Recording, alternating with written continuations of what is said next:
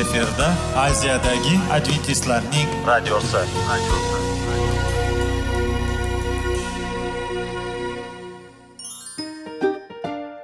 Assalomu alaykum aziz radio tinglovchilar. Sog'liq daqiqasi rubrikasiga xush kelibsiz.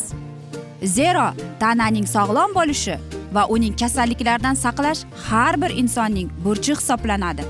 Inson uchun bebaho boylik bu sog'liq salomatlikdir. Uni asrash esa har birimizga omonat qilib berilgan. Shuning uchun ham inson o'z sog'lig'ini ehtiyot qilishi va ajib amallardan hisoblanadi. Dono xalqimiz sog'liq tuman boylik deb bejiz aytmagan. Aql idroq sohibi bo'lgan inson o'z hayotini qadrlashi lozim bo'ladi. Hozirgi kunda qanchalik dori darmonlar ko'paymasin tibbiy muassa sifati shifokorlar vasiyasi tibbiy texnika yaxshilanmasin. Agar insonning o'z salomatligi haqida qayg'urmasa kutilgan natijaga erishib bo'lmaydi va biz sizlarga bizning dasturimizga xush kelibsiz deymiz.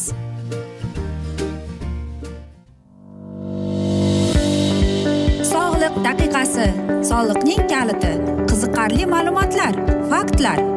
Har kuni siz uchun foydali maslahatlar. Sog'liq daqiqasi rubrikasi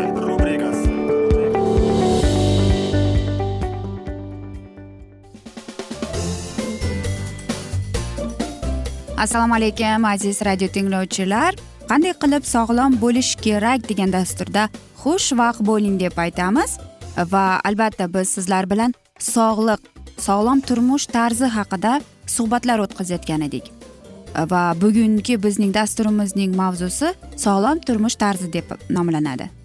Albatta sog'liq deganda biz boshqacha narsalar tushunamiz. Qarangki sog'liq tushunchasi bu sog'liq odamning jismoniy aqliy ruhiy va ma'naviy xususiyatlari yig'indisi uzoq umr ko'rish va ijodiy rejalarni amalga oshirish mustahkam ahil oila yaratish bolalarni sog'lom tug'ilishi va tarbiyasini zarur sharti hisoblanadi. Sog'liq inson baxtining eng muhim qismlaridan biri hisoblanib insoniyatni sotsial iqtisodiy rivojlanishining muhim komponentlaridan hisoblanadi. Bemor odamdan so'rang u o'z kuch quvvatini nimadir yaratish uchun bera oladimi? Bolalarni boqishga qurbi yetadimi? Albatta u yo'q deb javob beradi. Sog'liq inson va jamiyat uchun berilgan buyuk ne'matdir. Sog'liqni sotib olib bo'lmaydi uni saqlash ehtiyot qilish kerak. Sog'lom bo'lsangiz hayotda qiyinchilik va to'siqlarni oson yengib o'tasiz. Ulkan yutuqlarga erishasiz. Bizning atrofimizda kasalliklarni keltirib chiqaruvchi ichki va tashqi omillar juda ko'p. Xo'sh siz aytasizki bu omillar nimadan iborat deb? Sog'lom turmush tarzi deganda biz nimani tushunamiz? Qarang olimlarning aytishicha sog'lom turmush tarzini birinchi o'rinda sog'liqni saqlash va yaxshilashga qaratilgan deb aytadi. Ya'ni faoliyati deb harakatlash mumkin deydi. Bunda shuni tushunish kerakki odamning turmush tarzi sharoitga va o'z o'zidan doimo maqsad sari intilish jarayonida shakllanadi. Sog'lom turmush tarzini shakllanishi ahvolini sog'liqni mustahkamlash hayot shaklini o'zgartirish gigiyenik bilimlar zararli odatlar bilan kurashish gipotonamiya va albatta hayot situatsiyalarini noqulay jihatlari bilan kurashishdan iborat. Shunday qilib sog'lom turmush tarzi deganda odamni har kungi tirik hayot shakli tushunadi. Sog'lom turmush tarzi organizmni mustahkamlaydi taqomlashtiradi. O'zini ijtimoiy va kasbiy funksiyalarni taqomillashtiradi faollik avvalo shaxs sog'lig'ini saqlab qolish bu oila sog'lig'iga ishlab chiqarish jamoasiga jamoat sog'lig'iga ta'sir etadi. Millatni sog'lomlashuvchi ijtimoiy iqtisodiy muhitni sog'lomlashuviga bog'liq. Faollik sog'lom turmush tarzini tashkil etishi muhim rolni o'ynaydi chunki faollik tufayli odam o'z maqsadlariga erishadi. Ayniqsa sangvinik xolerik temperamentdagi odamlar hayotda juda faol bo'lib o'z oldiga qo'ygan maqsadini amalga oshirishga astoydil harakat qiladilar. Bular keksayib qolganda ham faol hayot kechiradilar. Faollik avvalo shaxs sog'lig'ini saqlab qolib bu oila sog'lig'iga ishlab chiqarish jamoasiga jamoat sog'lig'iga ta'sir etadi. Millatni sog'lomlashuvi ijtimoiy iqtisodiy muhitni sog'lomlashuviga bog'liq. Faollik sog'lom turmush tarzini tashkil etishda muhim o'rinni o'ynaydi. Chunki faollik tufayli odam o'z maqsadlariga erishadi. Ayniqsa sangvinik xolerik temperatdagida odamlar hayotda juda faol bo'lib o'z oldiga qo'ygan maqsadini amalga oshirishga astoydil harakat qiladilar. Bular keksayib qolganda ham deydi olimlar faol hayot kechiradilar. Aholini sog'liqni geolotika holatiga ta'sir etuvchi hayot tarzini asosiy shakllari ya'ni qarangki e, sog'lom jamoat ya'ni jamoat sog'lig'i bu mehnat ishlab chiqarish faolligi jamoat siyosiy faollik ijtimoiy madaniy faollik tibbiy faollik turmushdagi faollik deydi. Ya'ni mana shu narsalar bizning sog'lig'imizga bizning sog'lom turmush tarzimizga omillariga e, mana shunday ijobiy ta'sirlarni ko'rsatar ekan. Xo'sh aziz do'stlar agar siz e, aytaylik e, ijtimoiy madaniy faollikda bo'lsangiz demak mana shunda aytmoqchiki odam e, ya'ni siz sog'lomsiz. Sog'lom bo'lsangiz siz mana shu tibbiy turmushdagi faolligingizni ijtimoiy madaniy faolligingizni va mehnat ishlab chiqarish faolligi jamoat siyosiy faolligida mana shunday kuch quvvat beradi. Shunday qilib sog'liqni saqlash siyosati o'ttiz sakkiz masaladan iborat deydi. Yevropaning kelgundagi sog'liqni saqlash tizimi yaxshi sog'liqqa erishish atrof muhit sog'lomlashtirish munosib tibbiy sanitariy yordam barcha yerda sog'liq strategiyasini rivojlantirish albatta aziz do'stlar qarangki e, sog'lom odam bu eng yaxshi. Ya'ni siz sog'lom va faol bo'lsangiz ya'ni aktiv. Siz mana shunday oltita omilga oltita hayotiy turmushingizga mana shunday muhim rolni o'ynab qo'yadi. Va biz yuqorida aytganimizdek agar siz sog'lom bo'lsangiz siz faol bo'lsangiz hayotingizdagi bo'lgan qiyinchiliklarni yengib o'tishga o'zingizda kuch bo'ladi quvvat bo'ladi. Va sangvinik odamlar ham qarangki mana shu qariyotgan chog'ida ham aziz do'stlar ularda faol hayot kechiradi ekan.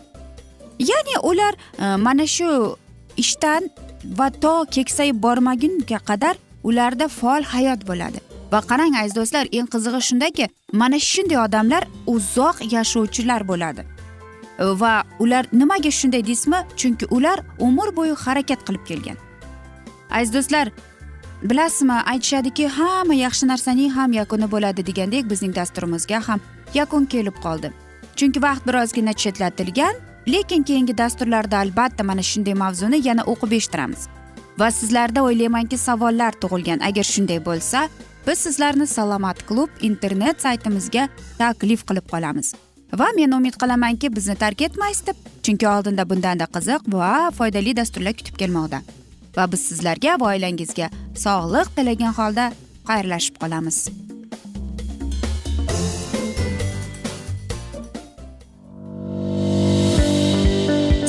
Daqiqasi soliqning kaliti qiziqarli ma'lumotlar faktlar.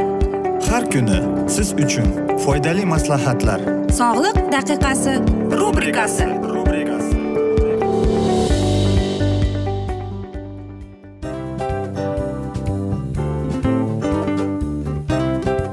mana ha hayotda hamma narsaning yaxshi narsalar tugaydi va yakunlaydi degandek bizning dasturimizga ham yakun keldi.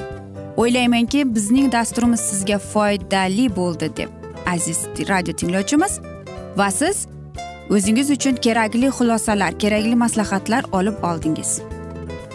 Aziz radio tinglovchimiz biz bilan qoling va keyingi dasturlarimiz albatta undanda qiziqroq bo'ladi. Mana shu alfozda sizlar bilan xayrlashib qolaman.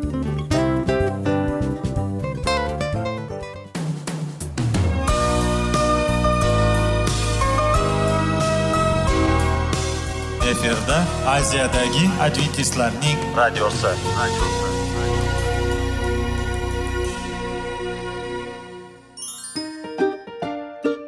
Assalomu alaykum aziz radio tinglovchilarimiz. Dil izhori dasturimizga xush kelibsiz. Pul insonni baxtli qiladimi? Albatta yo'q. Sog'liqchi? Albatta bo'lishi mumkindir. Lekin olimlar shuni isbotlashdiki to'liq va mukammal munosabatlar insonlarni baxtli qilar ekan. Albatta biz hayot davomida biz yaqin insonlar bilan odamlar bilan aloqada bo'lamiz va ular bilan munosabatlarimiz qanday kechadi qanday tuziladi? Yigit va qiz er va xotin ota ona va farzandlar va yaqin insonlar bilan. Balkim hozirgi vaqtda kimnidir hayoti yoki munosabatlari buzilyapti. Va bizning dasturlarimiz ularga yordam bo'ladi deb. Va oldinda sizlarni qiziqarli intervyular va mavzular kutyapti va biz umid qilamizki siz biz bilan qolasiz deb.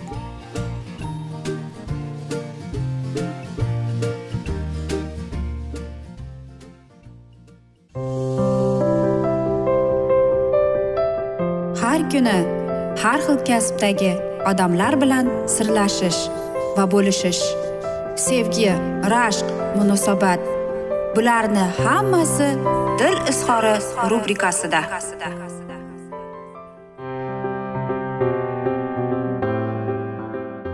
Assalomu alaykum aziz radio tinglovchilar dasturimizga xush kelibsiz. Topish va ushlab qolish degan dasturda xush vaqt bo'ling deb aytamiz va bugungi bizning dasturimizning mavzusi oilaning hayotiy tarzi va ziddiyatlari deb nomlanadi.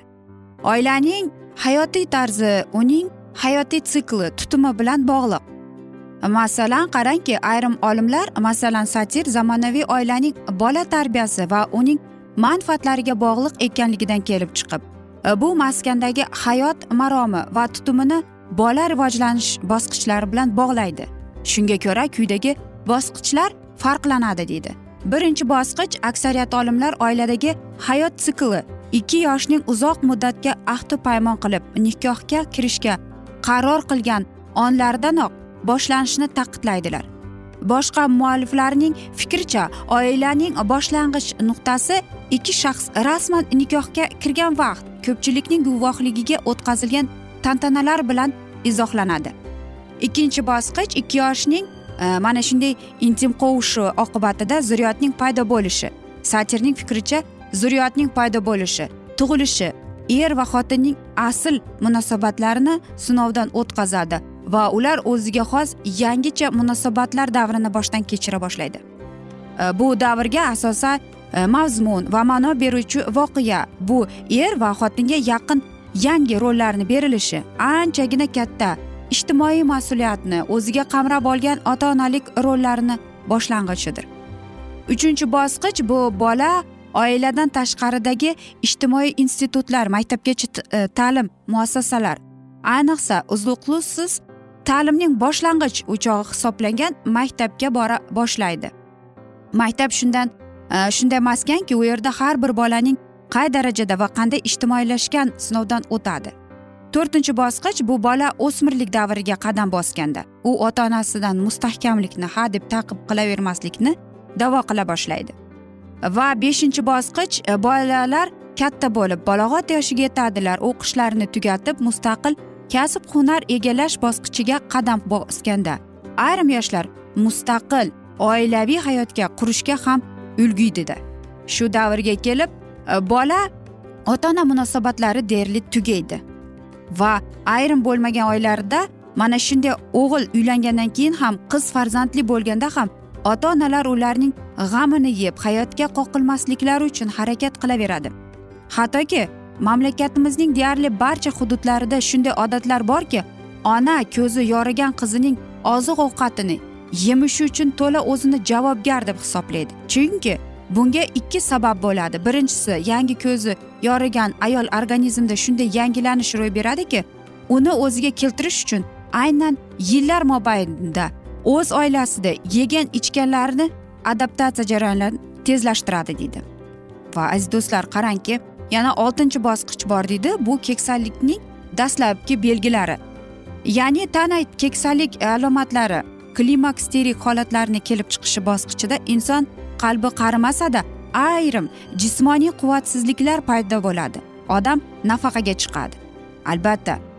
Va yana bir bosqich bor bu yettinchi bosqich. Oilaviy siklning tugashi odatda turmush o'rtoqlaridan birining o'limi bilan boshlanadi.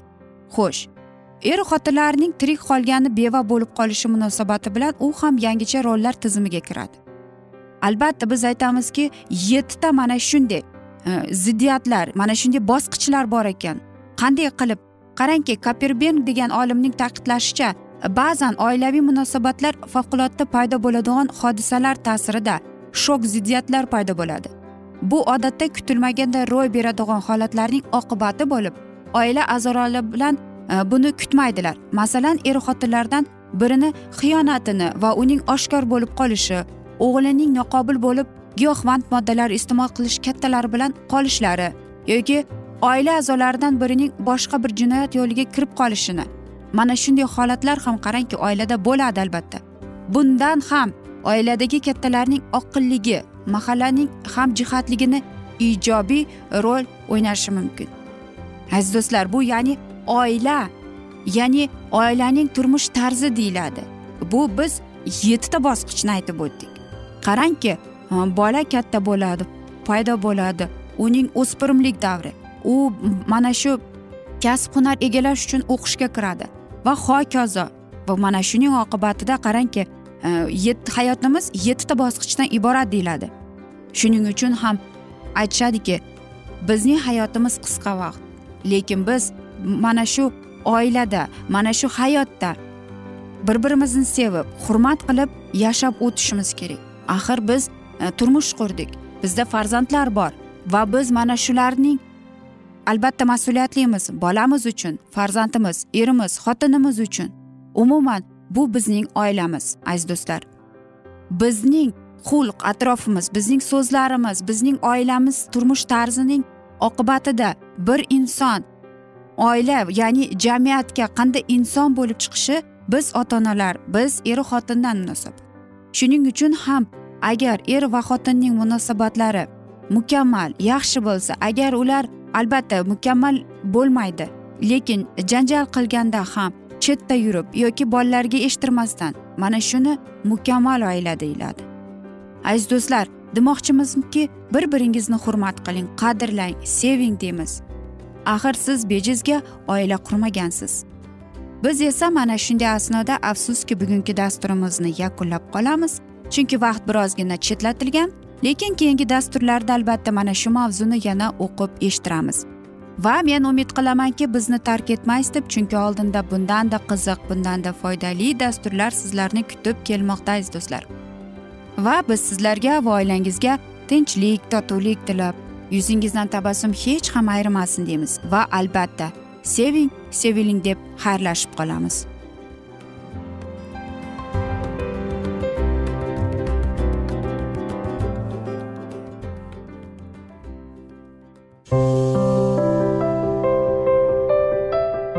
Har kuni har xil kasbdagi odamlar bilan sirlashish va bo'lishish sevgi rashq munosabat bularni hammasi dil izhori rubrikasida. Mana aziz radio tinglovchimiz bizning go'zal va foydali va chiroyli dasturimiz yakunlanib bormoqda. Sizlarga birozgina maslahat berib o'tmoqchi edik. Bir biringizni seving. Qadringizga yeting. Va erkalang albatta bir biringizni va sizga judayam chiroyli va mustahkam munosabatlar tilab qolamiz albatta. Sevgilingiz doimo yoningizda bo'lsin. Mana shu borada sizlar bilan xayrlashib qolamiz. Xayr.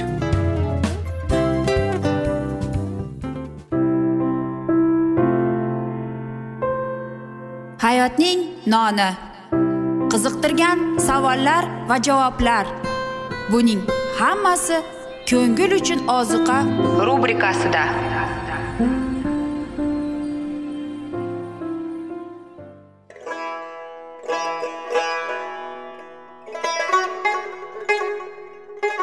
Assalomu alaykum aziz radio tinglovchilarimiz.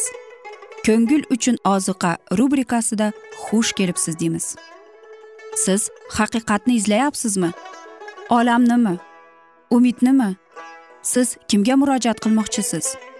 Odamlar ko'pincha siyosat kuchiga tayanadilar. Dunyo iqtisodiyoti holati tobora chuqurlashib bormoqda.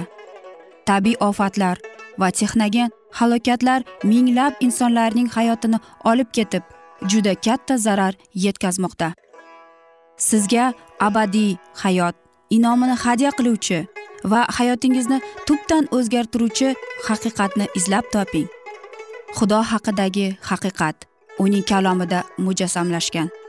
Kimki bu haqiqatni butun qalbi bilan izlasa albatta unga yetishadi. Bu sevgi xudoning tarixidir. Hayotingizda yoki sizning yon atrofingizdagi olamda nimalar yuz berishidan qat'iy nazar? Siz ertagi kunga buyuk umid va ishonch hosil qilishingiz mumkin. Hozirda xudo sizga taklif qilayotgan umid ishonchga o'z qalbingizni oching va sizni qiziqtirayotgan mavzularni savollaringizga javoblaringizni topib olasiz deb umid qilamiz. Biz bilan qoling.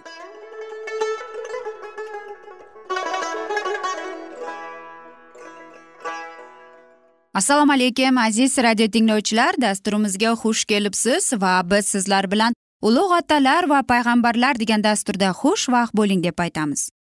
Va bugungi bizning dasturimizning mavzusi bu hafta asl hafta deb nomlanadi va biz sizlar bilan o'tgan galgi mavzuni bugun davom ettiramiz xudoning irodasini bajaradigan o'zlarida namoyon bo'lgan kuchni tushunmaydilar tabiat qonunlari degan tushunchaga jismoniy dunyoni boshqarayotgan odamlar o'z onglari bilan ochgan qonunlar ko'zda tutiladi lekin inson bilimi naqadar cheklangan.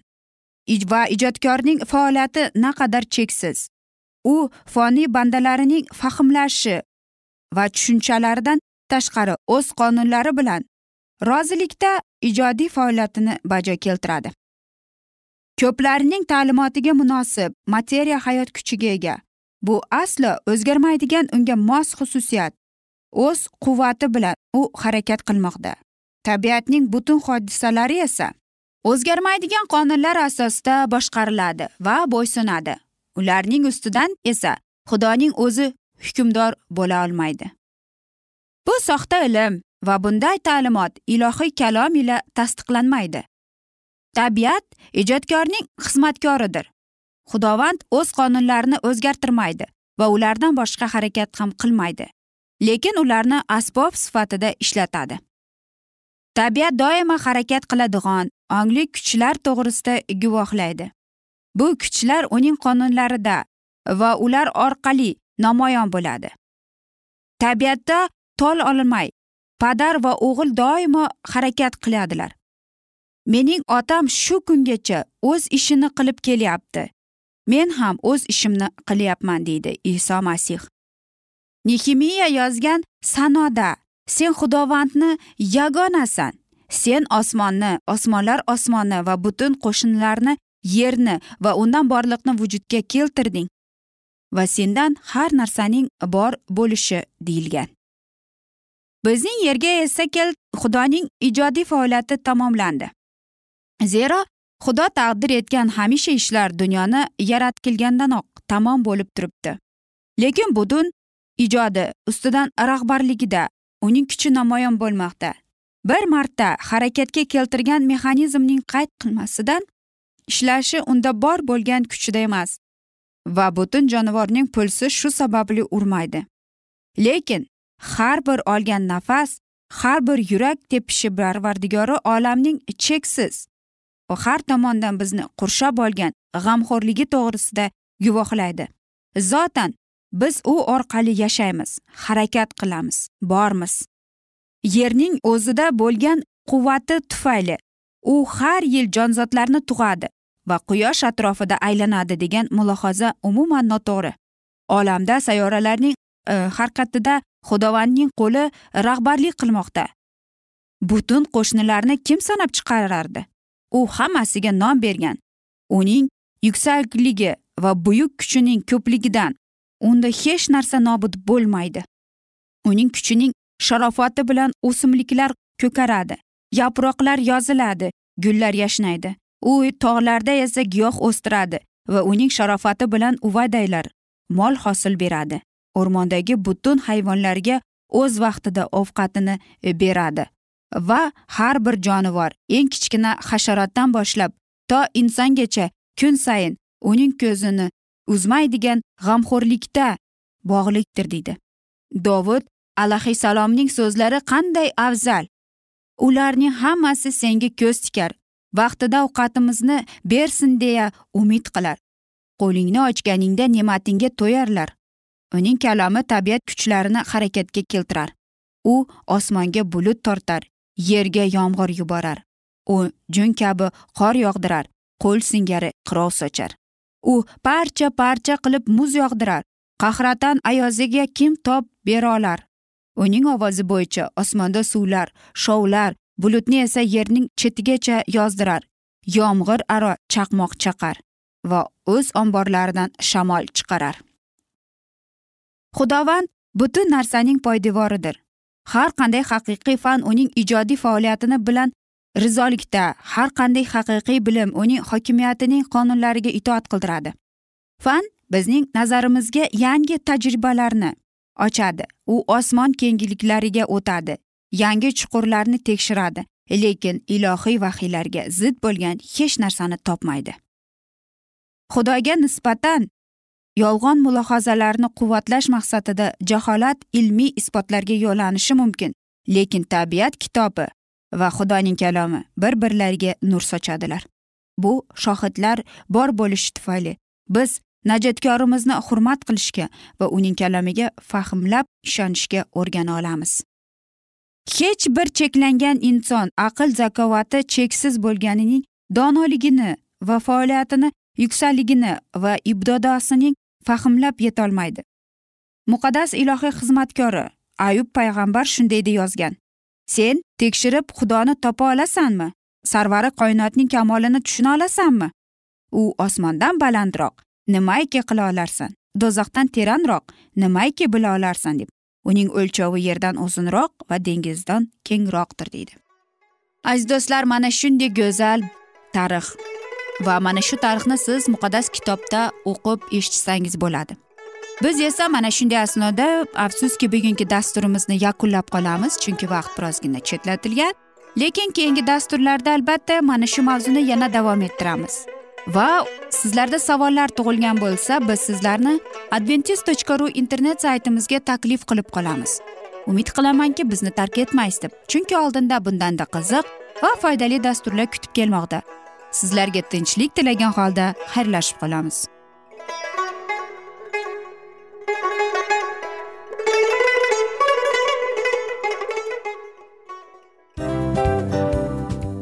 Afsus afsus. Hamma yaxshi narsaning ham yakuni bo'ladi degandek bizning foydali va qiziqarli dasturlarimiz ham yakunlanib qoldi.